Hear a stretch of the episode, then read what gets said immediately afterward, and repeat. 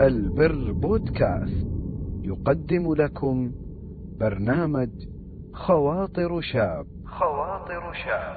تقديم فضيلة الشيخ حمد العتيق. حفظه الله. شيخنا الله يحفظكم. كثير من الشباب مبتلى بالتدخين وهو حابب إنه يتركه لكن يعني مو قادر إنه يتركه. فكيف تنصحه يا شيخنا؟ التدخين آفة من آفات الزمان وهذا العصر خصوصا فيما يتعلق بالشباب. التدخين قبل أن نتكلم كيف يترك الشاب لازم الشاب أيضا يتعلم كيف أن هؤلاء سقطوا أو وقعوا في التدخين. لأن فيه جزء من الشباب الحمد لله اليوم معافى من التدخين. لكن يخشى عليه أنه يقع في التدخين لأن أنا رأيت شباب ما وقعوا في التدخين إلا بعد أن وصلوا الجامعة بعد أن تخرجوا بعد أن توظفوا في وظائف. فبعض الناس يظن التدخين فقط خاص بالمراحل الحياتية الأولى يعني إذا دخن في مراحل الحياة الأولى صار مدخن إذا لم يدخن لن يدخن لا مو صحيح. التدخين له أسباب كثيرة لكن أهم سبب هو الصديق المدخن. يعني أنت تريد أن لا تدخن لا تصادق مدخنا. يعني حط عندك قاعدة من قواعد الصداقة أنك لا تصاحب المدخن. لا تريد أن تتعاطى المخدرات لا تصاحب من يتعاطى المخدرات. نفس الفكرة. أنا رأيت أناس من أحسن الناس تربية ومن أحسن الناس خلقا ومن أحسن الناس سلوكا. ولما وصلوا إلى مراحل عمرية متقدمة يعني انتهى من الدراسة ودخل الوظيفة وقع في التدخين والسبب مصاحبته لمن؟ للمدخنين.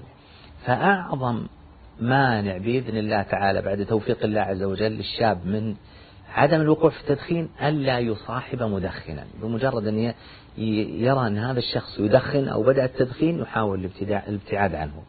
فهذا من أكثر الأسباب. السبب الثاني ما يسمى بالتجربة. يعني بعض الشباب يقول خل أجرب وش المشكلة؟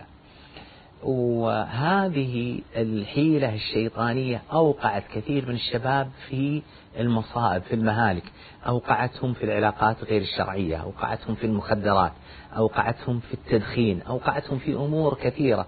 لأن بعض التجارب تكون قاتلة. يعني اللي قال أنا بجرب وجرب المخدرات وقع بعد ذلك في المخدرات. طيب كيف يترك المخدرات عفوا كيف يترك التدخين؟ أول سبب لترك التدخين هو أن يترك السبب الذي أدى التدخين. أدى إلى التدخين وهو البعد عن الصحبة السيئة التي تمارس هذا التدخين. الأمر الثاني أن يستخدم العلاجات الطبية المتوفرة. اليوم هناك علاجات طبية ومتوفرة في بعض البلاد ولله الحمد تقدمها أحيانا مجانا للشباب. هذه العلاجات الطبية تجعل الشاب يكره التدخين حتى وهو يمارس التدخين. أحيانا يقولون لا توقف التدخين بس انتظم على العلاج. مع الوقت يستطيع بإذن الله تعالى أن يترك التدخين. السبب الثالث وهو المهم ألا يستسلم. إيش معنى يستسلم؟ يعني خلاص يرضى بالأمر الواقع يقول خلاص أنا سأظل مدخن لين أموت. لا. مهما فشلت في التوقف عن التدخين لا تيأس. واصل. مرة ثانية وثالثة ورابعة. قد ما تنجح إلا المرة العاشرة وفي ناس ما نجحوا إلا المحاولة العشرين أو الثلاثين. الفرق بين اللي نجح والذي لم ينجح الذي لم ينجح هو الذي يأس وركن وقال خلاص ما في أمل. أما الذي لا يزال يحاول يحاول في يوم من الأيام ولحظة من اللحظات ومحاول محاولات نجحت محاولته. مثل ما قال الله عز وجل والذين جاهدوا فينا لنهدينهم سبلنا. نسأل الله أن يتوب علينا وعليهم. اللهم